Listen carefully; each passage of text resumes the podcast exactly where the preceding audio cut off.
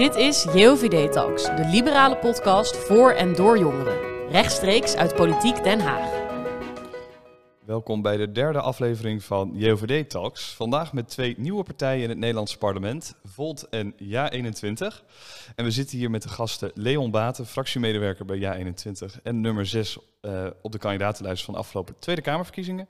En Ernst Boutkan, nummer 3 op de kandidatenlijst van, de, uh, kandidatenlijst van de Tweede Kamerverkiezingen voor Volt. En ook tegenwoordig fractiemedewerker. Uh, we gaan vandaag het hebben over de formatieactualiteit, de Europese Unie en natuurlijk hoe het is om als nieuwe partij in de Tweede Kamer te komen. Ja, zeker. Uh, misschien is het leuk als jullie eerst nog wat meer over uh, jullie zelf vertellen. Want Ernst, we hadden het er net al over, over het onderzoek dat je hebt gedaan vanuit je studie. Misschien interessant. Um, ja, ik, uh, ik ben dus Ernst, uh, nummer drie geweest voor de Tweede Kamerverkiezingen van Volt. Al lang betrokken bij de partij. Ik uh, heb eerst antropologie gestudeerd en toen ging ik veldwerkonderzoek doen naar nieuwe politieke partijen. En zo ben ik terechtgekomen bij Volt en daarna nooit meer weggegaan. En daarna heb ik inderdaad onderzoek gedaan naar democratische tekorten binnen de Europese Unie en hoe de Europese Unie is opgebouwd. Interessant. En Leon?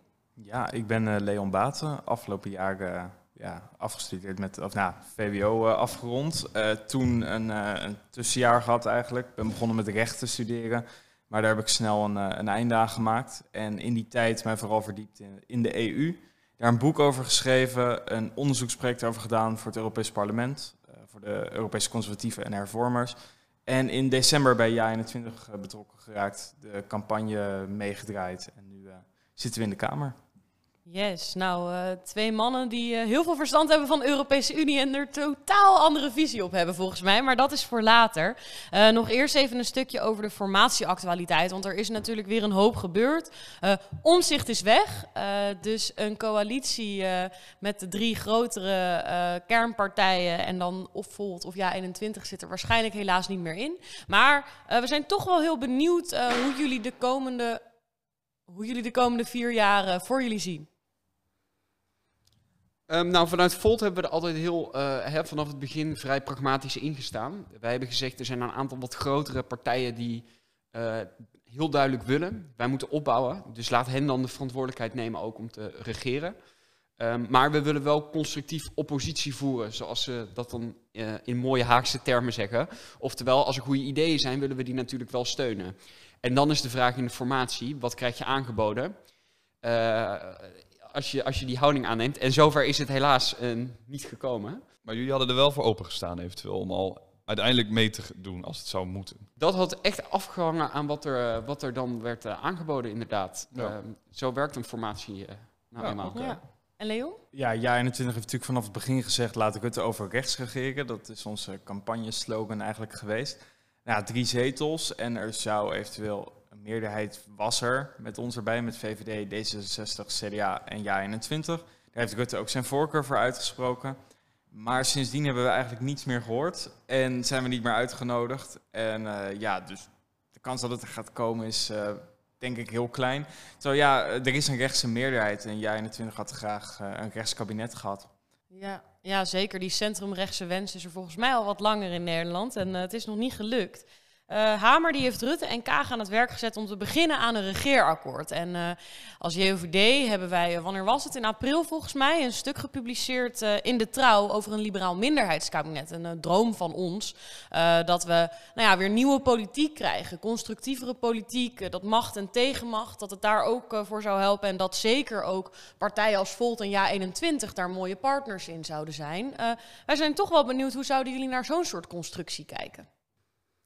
Um, nou, vanuit Volt, hè, wat bijvoorbeeld interessant nog wel is aan de formatie, wat ik ook nog wel wil benoemen, is ja, in 20 heeft natuurlijk ook een meerderheid in de Eerste Kamer als ze mee gaan regeren. Dus dat maakt de positie echt anders dan bij Volt die geen eh, senatoren heeft.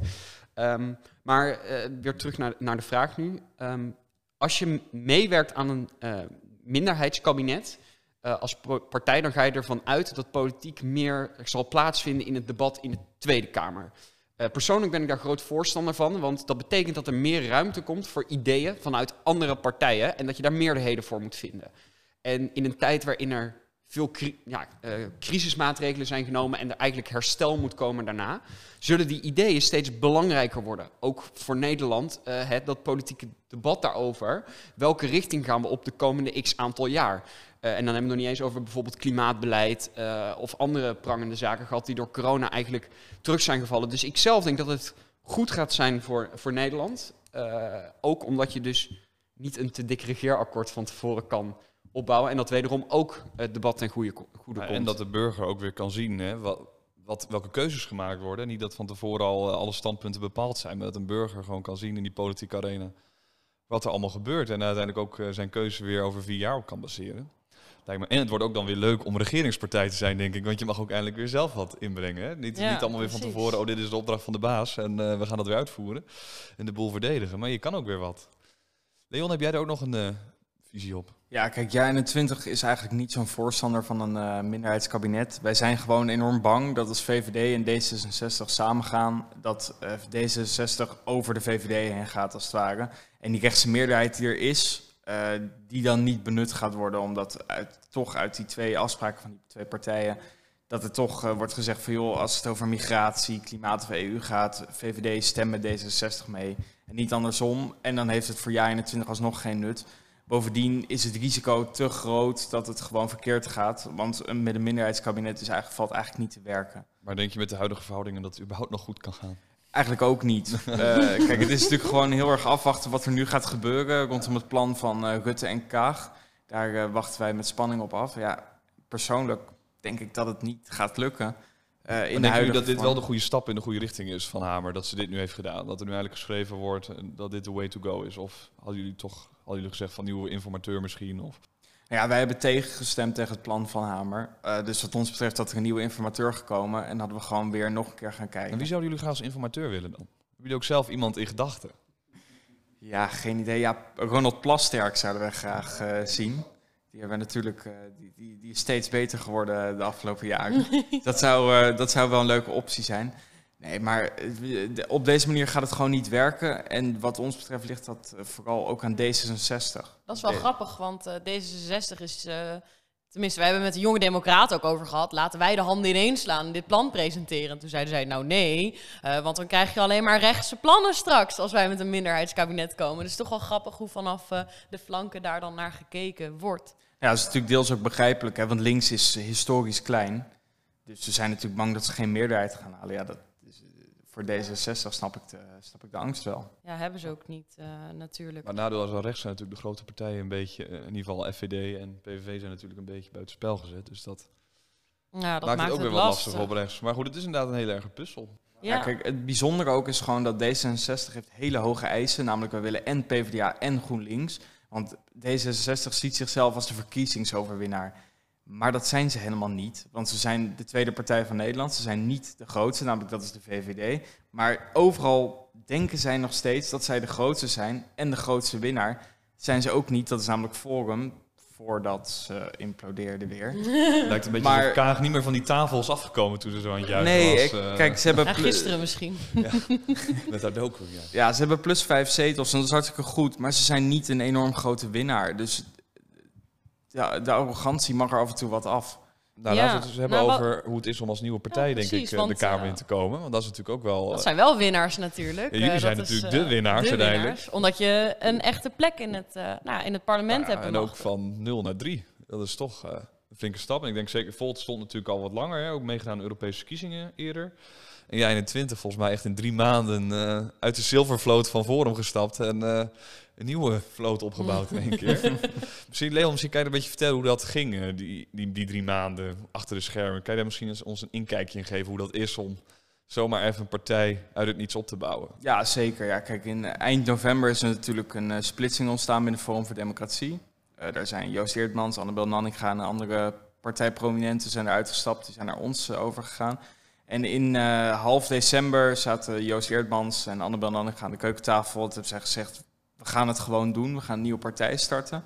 En ja, dan moet je alles opbouwen. Je moet ondersteuningsverklaringen regelen in korte tijd. Je moet een hele organisatie, statuten, je moet een bestuur we moesten alles in, ja, in drie maanden oprichten. En dat is uiteindelijk gelukt. Dat was een hele klus. Uh, Eh, Maar het is wel mooi, eh, mooi dat er nu een basis staat. En nu zijn we verder aan het uitbouwen. We hebben bijvoorbeeld volgende week een algemene ledenvergadering. Eh, dus het wordt spannend. Ja.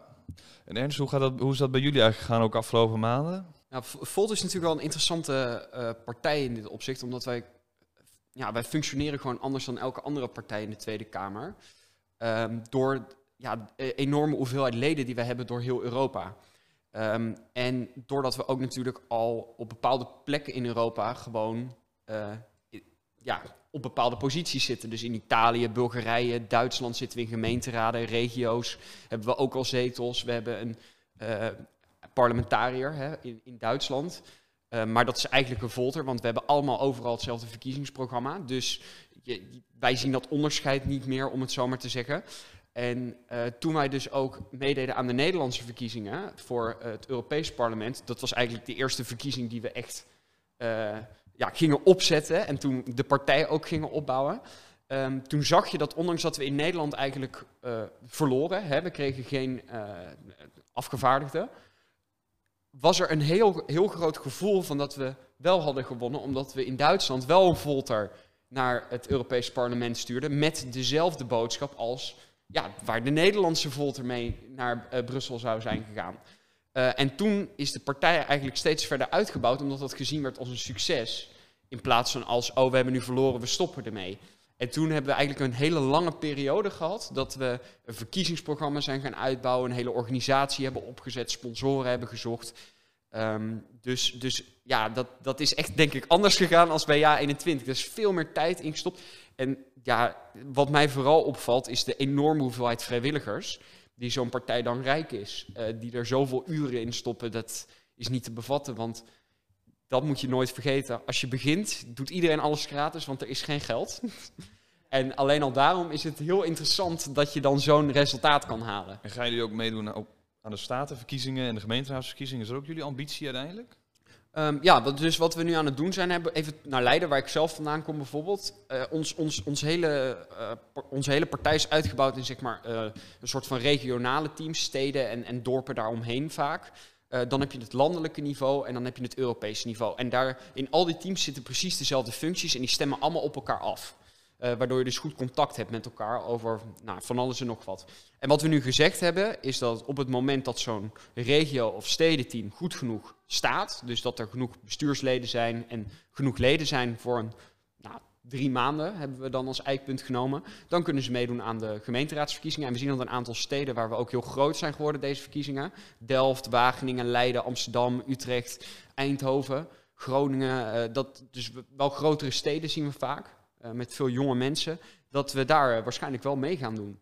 Ja, precies. Want jullie hadden al in 2019 ruim 100.000 stemmen gehaald. Dat was al goed voor in ieder geval één kamerzetel toen der tijd. Dus dat is heel goed gedaan. En wij zijn toch ook wel benieuwd, hoe ziet die toekomst er nou verder uit? Want ik denk dat misschien nog wel het hogere doel is om ook die Nederlandse parlementzetel te, te halen. Eh, denken jullie dat dat gaat lukken in 2024? Denken jullie dat, eh, dat daar veel toekomst in zit? Nou, het doel van elke Europese verkiezing voor Volt is om eh, eigenlijk uit 27 landen, ik geloof 24 of 25 parlementariërs te krijgen, zodat je eigen groep kan oprichten in het Europees Parlement. Omdat we nu geen transnationale verkiezingen mogen hebben. Eh, en op die manier kan je natuurlijk je eigen partij dan opbouwen over grenzen heen.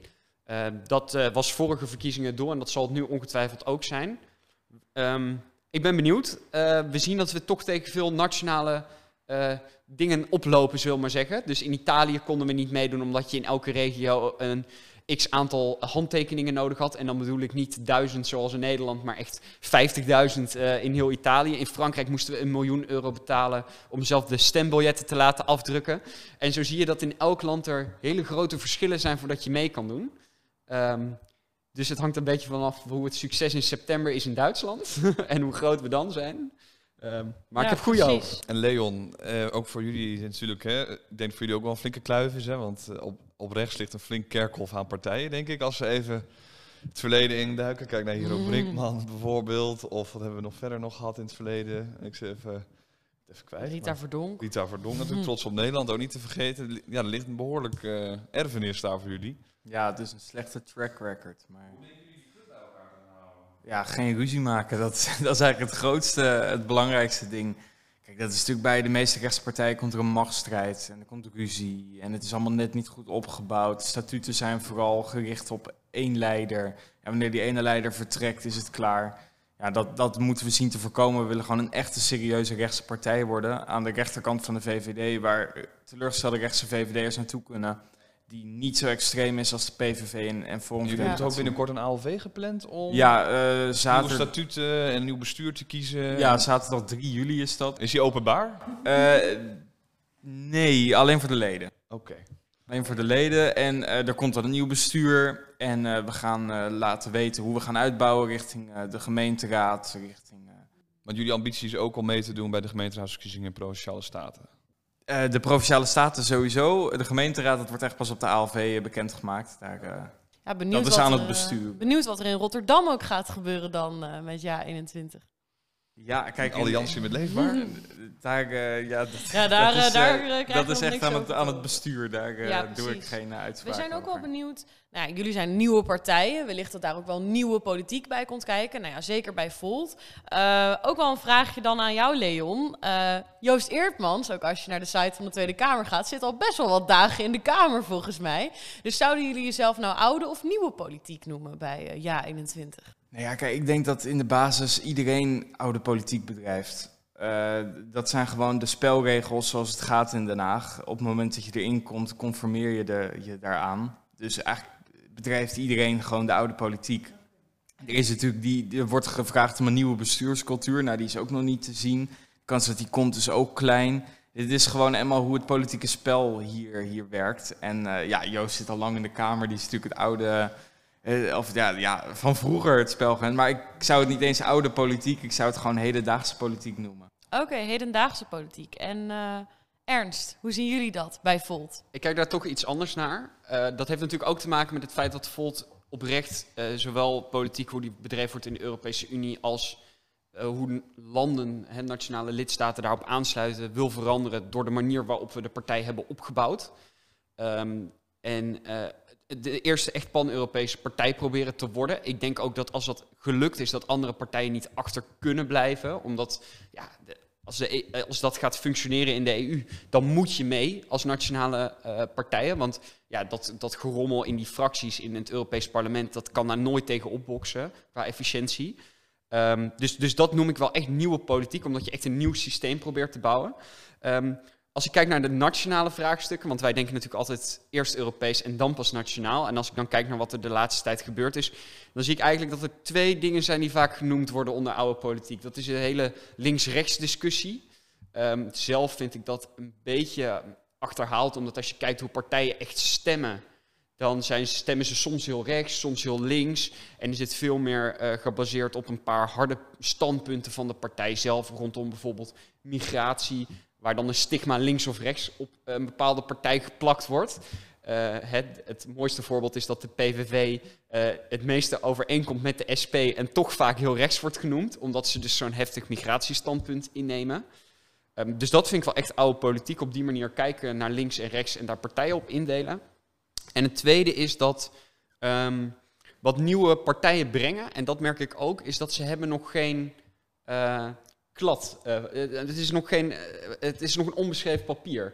Dus heel vaak zie je in discussies dat er wordt gewezen naar elkaar van ja, en toen heeft, ik, ik, doe zelf LNV, dan hoor je heel vaak, ja, toen heeft CDA tien jaar geleden hiervoor gestemd, of dit in stand gehouden, of toen heeft deze partij dit gedaan, of die partij dat gedaan. En nieuwe partijen hebben dat natuurlijk niet. Ehm, en het wordt natuurlijk de vraag, en met Volt willen we dat heel graag, durf je je fouten toe te geven op keuzes die je eerder hebt gemaakt? En eh, durf je dan ook van inzicht te wisselen? En eh, als nieuwe partijen dat doen, dan bedrijven ze naar mijn idee wel nieuwe politiek. Eh, maar dat gaat de tijd leren. Heeft Volt ook wel eens een schisma gehad? Ergens eh, in Oost-Europa misschien of in Zuid-Europa. Dat er wel een keer, dus een keer iets, een strijd is geweest. Hè? We hadden het over de rechtse kerk. kernenergie. Dat was Ja? een ding tussen de Fransen en, de, en de, de Duitsers binnen de partij. Daar hebben we een hele dag een congres over gehad op Europees niveau. Ehm, En wat is er uitgekomen? Het leuke is dat eh, als je dus mensen bij elkaar zet en ze hun eigen belangen laat vertegenwoordigen, want dat is natuurlijk wat ze daar dan ook doen, eh, dat ze tot een eh, consensus komen. Dus daar is uitgekomen dat als Er, er zijn 13 landen in Europa die kernenergie in de energiemix hebben zitten. Ehm, we moeten kijken naar hoe we in 2050 klimaatneutraal kunnen zijn. Volt heeft gezegd, kernenergie mag, daarvan een, ja, mag daar een optie in zijn. Wij willen dat niet van de tafel hebben. En het is aan elke lidstaat om zelf te bepalen, of van elk land dat bij Volt zit, Volt zit of dat dan wel of niet eh, ja, voor hun land een optie is. En we hebben daar wel een aantal eisen aan gesteld. Zoals als die kernenergie dan eenmaal opgebrand is, zullen we maar zeggen, na 60 tot 80 jaar, ja, dan moet je wel over naar groene stroom. En zo kun je dan wel eh, elkaars energietransities, die toch echt verschillen, op elkaar afstemmen. Interessant. Want in Nederland, als ik het goed heb gezien, was er een motie over kernenergie. Dus was er heel veel ophef dat Volt eh, tegen die motie had gestemd. Ja, dat mij, hoe zat heel dat bijzonder. precies? Ja. Ja, nou, ik wil het best uitleggen. Je hebt eh, eh, het Joint ehm, Research Center van Europa. Dat is dus een soort enorm instituut waar ze allerlei onderzoeken doen voor de commissie. Die zou drie onderzoeken uitvoeren, waarvan één hoofdonderzoek. En dat zou kijken naar of kernenergie schadelijk zou zijn voor mens en eh, natuur, even heel simpel gezegd. Daar kwam uit dat dat, eh, net zoals andere technieken die wij groen noemen, eh, zo, niet per se erger was. Ehm Volt heeft gezegd, nou dat is mooi, dat vinden we goed onderzoek. Daar zouden nog twee commissies overheen gaan om dat te verifiëren, dat onderzoek. Dat was het, de commissie voor gezondheid en, en nog een aantal zaken en de commissie voor de leefomgeving omgeving, zeg maar op Europees niveau. En dan ergens deze zomer zou de Europese Commissie komen met alle drie die onderzoeken en een soort van eindoordeel naar de lidstaat sturen om daarover te bepalen. Eh, en de vraag was in deze motie, willen we nu al kernenergie eh, gaan lobbyen, dat kernenergie wordt opgenomen in Europa in de taxonomie. Dat is de lijst met groene investeringen. Ehm, en Volt heeft toen gezegd, laten we die twee onderzoeken die dat verifiëren, dat ene onderzoek, nog even afwachten en gewoon de beleidscyclus doorlopen zoals die bedoeld is. Ehm, en daarom hebben wij toen tegen die motie gestemd. Het zou dus voor kunnen worden uiteindelijk. Als, als die twee onderzoeken positief zijn, dan staat Volt daar zeker ook positief tegenover. Dat hebben we ook gezegd. Eh, maar mensen liepen een beetje op de feiten vooruit eh, hierin. En, eh, dat, eh, en we dachten van, ja, misschien is het ook wel eens verfrissend om dan niet meteen mee te gaan in de, hij, eh, ja, de, de, de waan van de dag. En dat scheen ook opgepikt te zijn. Voordat we te veel op klimaat ingaan, want daar gaan we zo nog Ja. ik was is, nog wel even heel ik ben benieuwd. ook wel benieuwd naar de reactie van jij. en Nou ja, kijk, dat is natuurlijk wel bijzonder, want je, Volt geeft aan voor kernenergie te zijn. Nou, wij zijn een enorme voorstander van kernenergie, dat is erg fijn. Eh, dit was natuurlijk een, een motie om, dat, eh, om kernenergie eigenlijk aan te moedigen in de EU. Dan zou je natuurlijk verwachten, ongeacht de uitkomst van het onderzoek, eh, dat eh, Volt gewoon voor zou stemmen als zij voorstander zijn. En dus op, kijk, het, het, eerste onderzoek is er dus al en nu wachten jullie op twee commissies. Maar ja, het eerste eh, eindresultaat is er al dat het prima is. Je bent voorstander van kernenergie. Dan zou ik persoonlijk voorstemmen, wat wij ook hebben gedaan. We hebben mede ondertekend. Maar ja, waarom Volt dan niet? Het is toch... Ik ben het hier niet helemaal mee eens, want wat de motie zei was dat eh, kernenergie zou worden opgenomen in de Europese taxonomie van de commissie. Dat betekent dat er een lijst komt met groene investeringen, hè, waar bedrijven in mogen investeren. En ze moeten volgens Europese wetgeving dat in steeds grotere tranches gaan doen, in bepaalde groene zaken investeren, dat daar kernenergie op zou komen. En als je zo'n grote maatschappelijke verandering doorvoert, dan wil je niet dat over vijf of tien jaar, als er ineens toch een ander onderzoek komt, al die investeringen voor niks zijn geweest, al dat geld wordt weggegooid.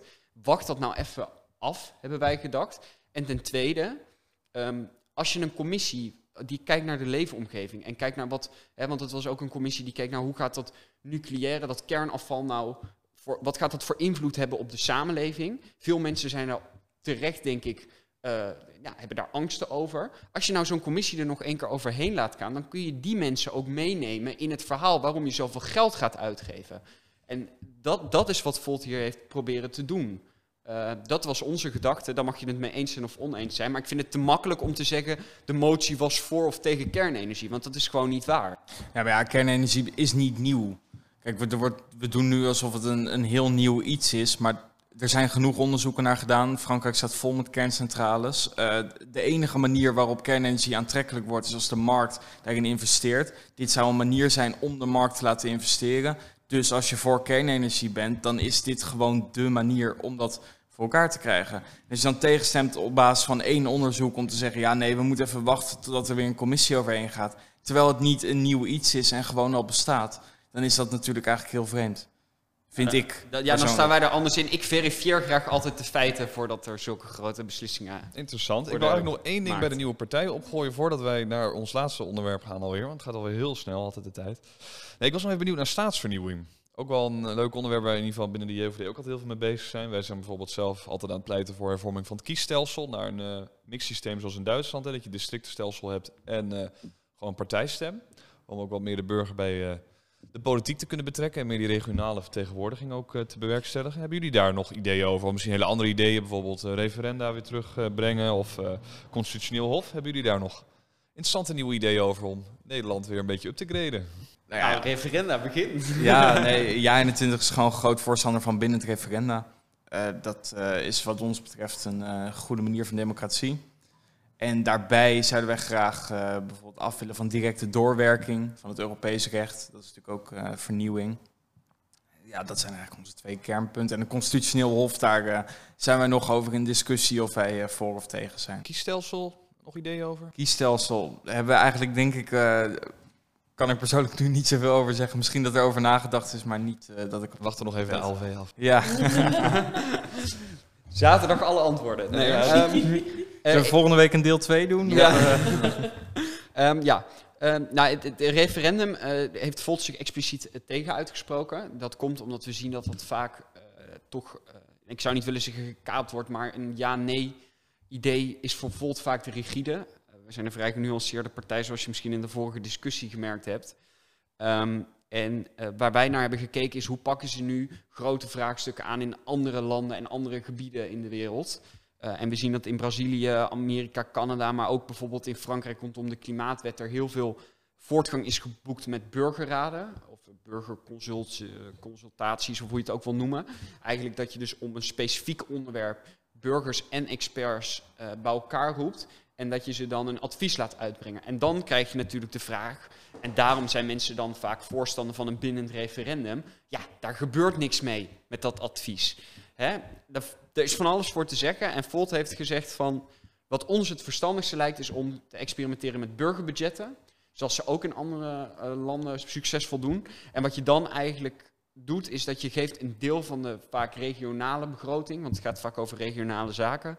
eh, aan, aan de burgers om daarover te stemmen en te controleren ook... of dat wel of niet uit wordt gegeven aan de juiste zaken. En dan zie je dat als ik het belangrijk vind dat daar een nieuw park komt, of dat er geïnvesteerd wordt in die bibliotheek, of een weg naar een ziekenhuis komt, ehm, dat burgers voor een bepaalde periode van tijd erg intensief bezig zijn met de politiek die hen aangaat, zorgen dat het geld goed wordt uitgegeven voor wat zij belangrijk vinden, tegenstanders zich ook organiseren en dat daar echt een democratische uitwisseling komt. En doordat je dus dat stukje burgerbudget daaraan koppelt, dat ze toch die slagkracht hebben om voor elkaar te krijgen wat ze willen, maar dat het niet een ja of nee optie is.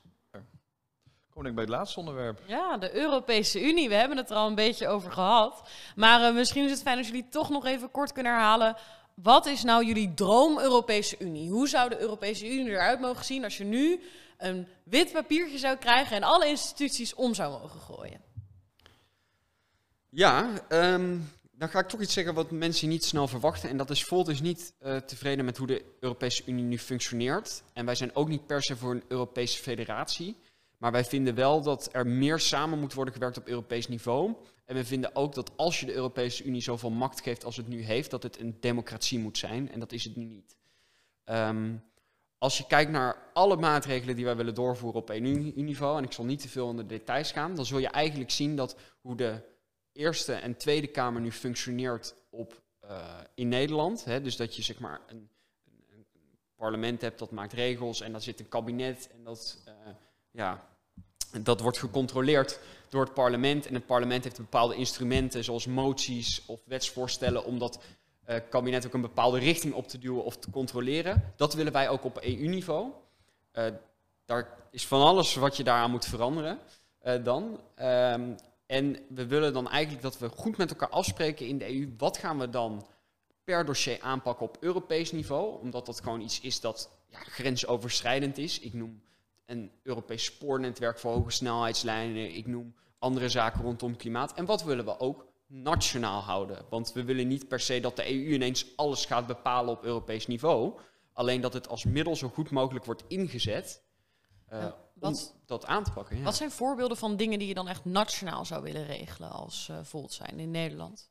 onderwijs, gezondheidszorg. En dan zeg je van, dat zijn ook nationale zaken. Maar als ik kijk naar onderwijs, diploma's worden niet overal erkend in de EU. En dat heeft ook een eh, belang. Hè? Duitsland wil dat bepaalde eh, diploma's niet erkend worden, omdat ze anders overspoeld worden door bijvoorbeeld Pools, Poolse dokters. Hè? Dus dat is niet op elkaar afgestemd.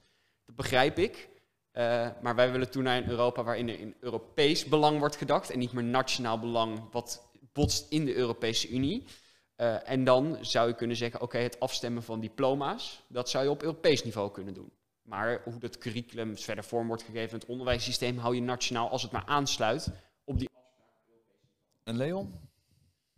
Ja, onze EU-visie. Uh, wij zijn een uh, voorstander van Europese samenwerking. Uh, of nou samenwerken met je buurlanden. Dus kijken naar, gewoon naar Europa. vooral op handel. kijk, de interne markt is voor jaar 21 gewoon enorm belangrijk. Daar haalt Nederland heel veel voordelen uit. En we willen daar zeker geen toegang tot verliezen. De euro ook? De euro willen wij het liefst vanaf. Want wij zien dat het hele monetaire systeem Nederland alleen maar ten, slechte doet. het geldtransfer naar Zuid-Europa, waarbij we eigenlijk bijna niets terugkrijgen. Dat is gewoon niet in het Nederlandse belang. Dus wij willen graag de EU hervormen, waarbij we veel taken terugtrekken naar, naar het nationaal niveau. En sommige zaken, de kerntaken die belangrijk zijn voor het samenwerken met je buren, die willen we in de EU regelen. Dus handel bijvoorbeeld, uh, veiligheid, zoals de buitengrenzen van de EU bewaken. Daarbij willen wij wel weer dat een land op ieder moment kan zeggen, nu willen wij onze eigen nationale grenzen bewaken. Uh, opt-out zouden wij graag willen, zoals Denemarken heeft. Uh, want Denemarken heeft eigenlijk, eigenlijk een ideale positie. Die kunnen gewoon op dingen zeggen, dat willen wij niet. Nou, en zo zou het volgens jaar 21 ook moeten worden. We moeten een soort keuzekaart ontwikkelen... waar mensen gewoon bij sommige dingen kunnen zeggen... nee, dat willen wij niet, dat is niet in ons nationaal belang. Als andere landen dat wel willen doen, prima. Maar wij zeggen nee. Interessant. En als we bijvoorbeeld even, ik vind bijvoorbeeld het verdrag van Lissabon, is een beetje de laatste, denk ik, echt grote Europese wijzigingen. En ik zie het echt een beetje als een enorme compromis. Hè. Ene kant sterker parlement, aan de andere kant ook sterke Europese Raad.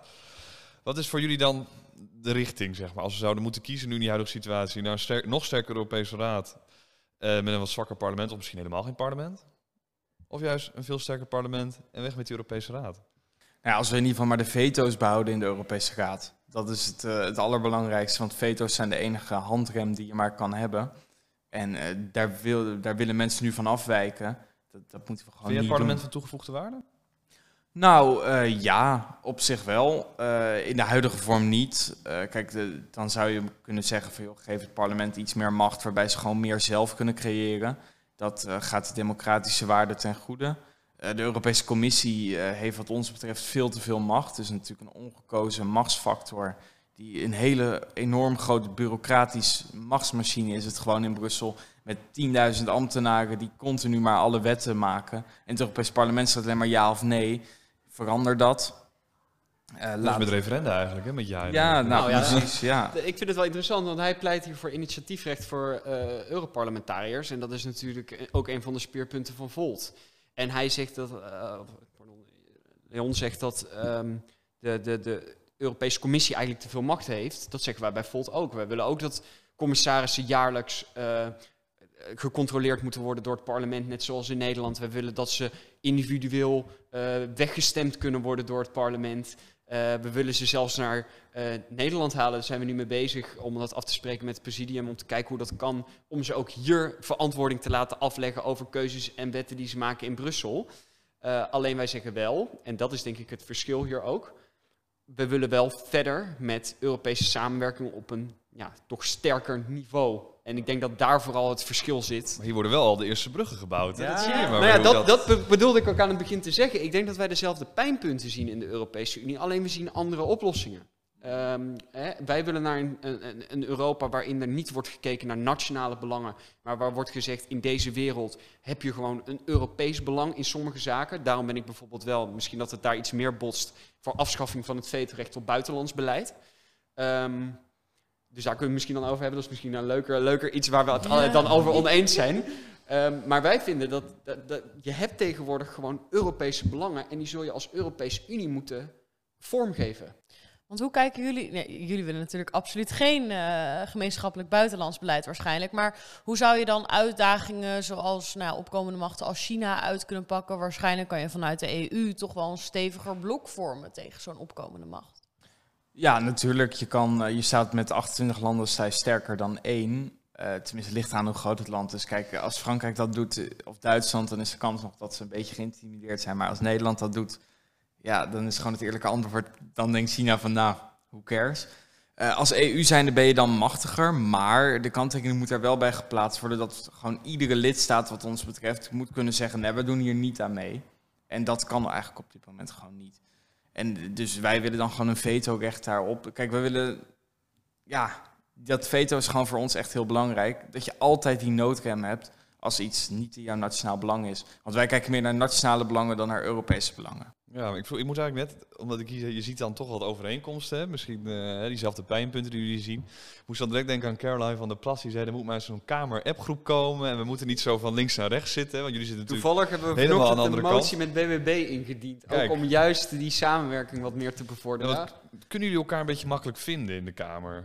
Of is dat echt heel ver weg allemaal? Is dat... Ja, het zijn eigenlijk een beetje allemaal eilandjes. Uh, tenminste, dat, dat zo ervaren wij het. Waarbij contact tussen fracties eigenlijk niet zo enorm groot is. Ik ken denk ik uh, 99% van de medewerkers in het Kamergebouw niet. Dan moet toch die appgroep te komen, denk ik. dat, dat, dat, dat, gaat helpen. Maar het is de eerste keer ook dat ik, uh, dat ik Leon uh, zie, uh, bijvoorbeeld. wij hebben elkaar helemaal nog niet, nog niet gesproken. Ook ja, niet 20 keer volt volgens mij ook nog niet, niet echt. Um, ja, af en toe een keer op Twitter een beetje ja, ruzie.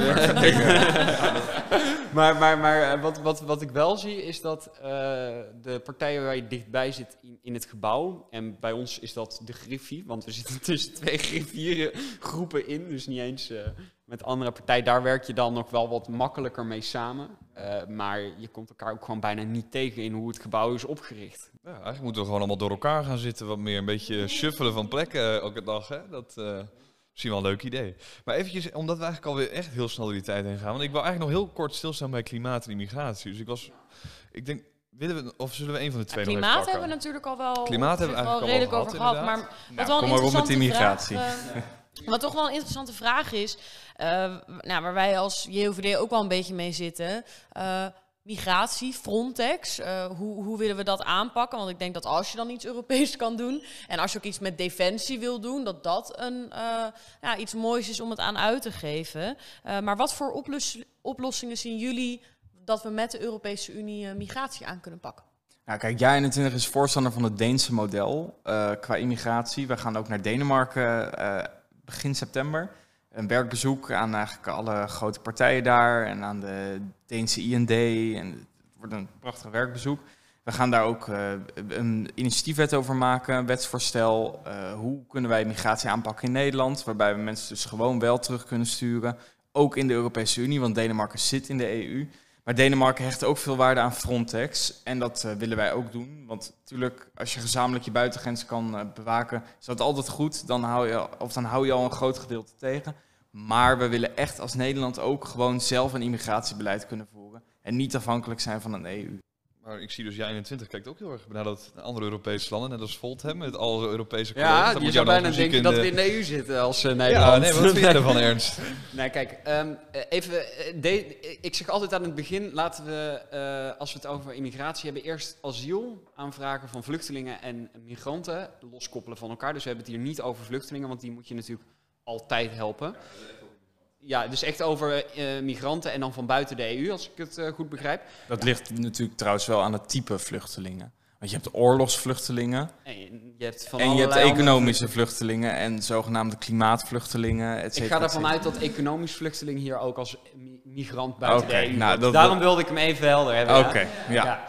ja. Um, de Europese Unie is op dit moment bezig met een blue card, zoals dat heet. Dus dat is eigenlijk dat je gaat kijken naar hoe. Want, want hier loopt het stroef. Hè? Mensen die willen heel graag naar de Europese Unie komen. We bouwen er een soort muur omheen met Frontex. Daar zijn allerlei mensenrechtsschendingen. En niemand weet goed hoe we er nou mee om moeten gaan. Want de mensen blijven in bootjes naar Europa komen. Die willen die toekomst opbouwen in Europa. En uh, er is geen goede asiel- of eigenlijk migratieprocedure daarvoor. Um, Volt kijkt ernaar en die zegt van ja, we hebben een vergrijzing in Europa en we hoeven niet het hele debat te gaan herhalen over eh, of dat dan wel of niet werkt. Volk gelooft van wel. Uh, we hebben een vergrijzing in Europa en er zijn handjes nodig. En als je dus zo'n blue card systeem opricht, dat je kijkt naar wie kan wat en wie kan waar terecht, dan zou je dat op een veel humanere manier kunnen aanpakken. En dan wel zou je- beheersbaar. beheersbaar ook. En dan zou je Frontex, en wij hebben in ons verkiezingsprogramma daarom gezegd dat Frontex versterkt moet worden. En dat werd toen door een aantal toch wat linkse mensen in de partij verkeerd opgevat, zullen we maar zeggen. Dus we hebben het er ook nog wel een relletje over gehad. Ehm, Ja, maar als ik het zo zie, jullie willen Frontex beide- willen we versterken, maar Ja. we willen ze vooral een andere rol geven. Dus dat je ze meer als de hoeders van de, van de grenzen maakt, die dus die asielprocedures voor zowel vluchtelingen als voor migranten eh, goed ordent en eh, ja, ze ook naar binnen haalt. Er moet wel bij gezegd worden, dan geef je dus wel de Europese Unie de macht om te bepalen wie er wel en niet binnen mogen komen en waar die mensen dan terecht kunnen binnen de Europese Unie. En dat laat je ook door een Europese agency uitvoeren, hè, Frontex.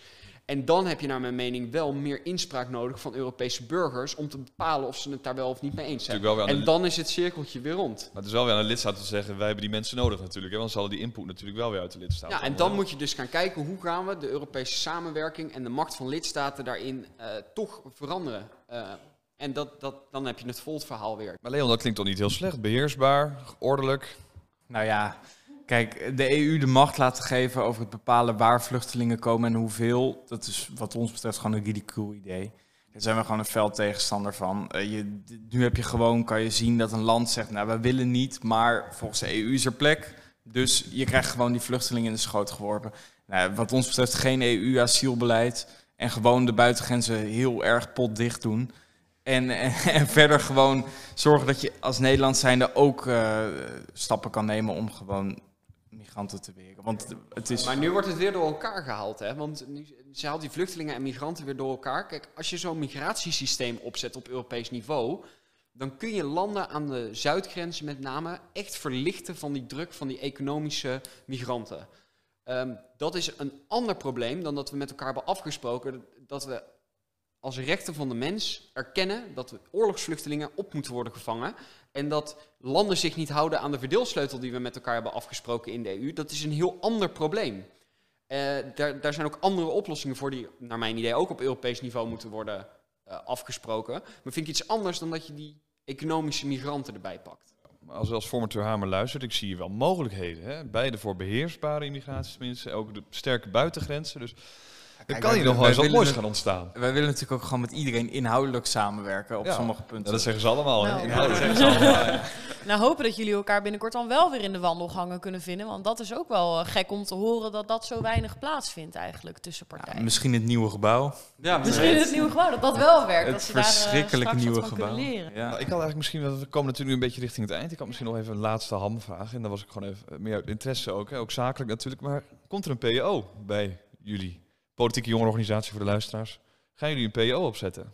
Eh, nee, Volt heeft altijd expres dat niet gedaan. Eh, en dat gaan we ook niet doen. Omdat eh, we graag eh, jonge leden... We merken in ieder geval dat als we jonge leden eh, meteen integreren in de partij... dat je, zoals ik, als je jong bent, 23, gewoon op plek 3 binnen de partij kan komen... en ook bepaalde leiderschapsfuncties al binnen de partij kan vervullen. En we hebben gezien dat dat erg stimulerend werkt... Eh, zo was een derde van onze lijst onder de 25. Bijvoorbeeld deze verkiezingen, omdat mensen dik- ja, makkelijker de weg vinden. Eh, en hoe dat in, als we straks eh, duizenden leden hebben zal gaan, ben ik nog benieuwd naar. Maar dat zien we dan wel weer. Helder. Leon? Ja, we hebben natuurlijk wat nare ervaringen met eh jongerenclubjes en eh, zogenaamde appgroepjes. Dus ja, kijk, op de ALV gaat er meer besproken worden, maar ik kan toch wel een, een, kleine onthulling doen. Nee, kijk, na, de, na het zomerreces, als het weer kan, als corona een beetje hopelijk voorbij is en we mogen gewoon evenementen organiseren, dan gaan we dat zeker doen, speciaal gericht op jongeren. Want jongeren zijn erg eh, belangrijk voor jaar 21 en die willen we er graag bij trekken. Er is ook veel animo voor. Eh, of het een echte jongerenorganisatie op korte termijn wordt, dat denk ik niet. Eh, we moeten eerst rustig onze partij uitbouwen. We bestaan nu ook pas zes maanden. Dus om er dan direct een jongerenorganisatie aan te koppelen is misschien wat snel. Maar er komen zeker dingen aan voor jongeren. Dat, eh. Kan ik al dus, bevestigen. eh, de jonge leden van Volt en Ja 21 kunnen gewoon nog lid worden van de JOVD in ieder geval eh, de komende tijd. Ja, maar ja, dat kan altijd natuurlijk. Zie je toch wel dat ze vaker lid zijn van de jonge eh, de, democraat Oh. Ja, dat is jammer. Dat is zonde. nou, heel erg, eh, heel erg bedankt dat jullie er waren. Interessante gesprekken gehad en eh, hopelijk eh, tot de volgende keer. Nou, geen dank. Dankjewel.